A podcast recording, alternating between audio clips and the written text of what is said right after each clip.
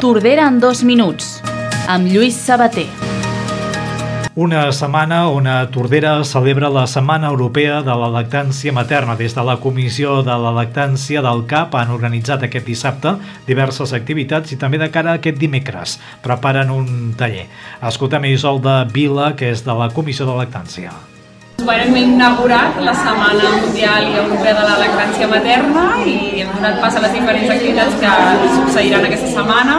També hem presentat el pòster on les diferents famílies, mares, adults, també infants i joves doncs, poden deixar missatges de què suposa per ells la lactància materna la setmana passada el ple de l'Ajuntament va aprovar una modificació de crèdit per valor de 1,5 milions d'euros, entre d'altres, per inscriure a la registre la reparcel·lació de Sant Daniel i executar millores de Can Compte, altres actuacions també previstes que enumerava la regidora d'Hisenda, Jennifer Jansa.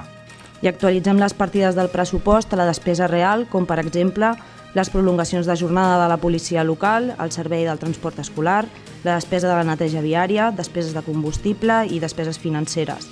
També continuem incrementant partides per realitzar inversions i millores en els edificis municipals, així com la coberta del pavelló parroquial, la residència Can Compte, les escoles, la comissaria de policia municipal, entre d'altres. I ja es pot demanar cita prèvia per vacunar-se de la grip estacional. La vacunació començarà el 10 d'octubre i es farà al local de l'esplai de la gent gran. Leonardo Heredia és director del CAP.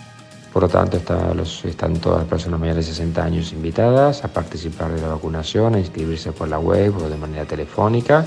En el plazo de esta semana, insisto, se abrirán las agendas para que comience la vacunación a partir del día 10 de octubre.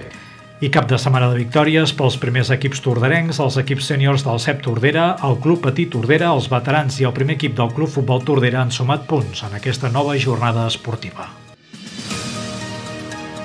Tordera en dos minuts, un podcast dels serveis informatius de Ràdio Tordera disponible a la web i a les principals plataformes.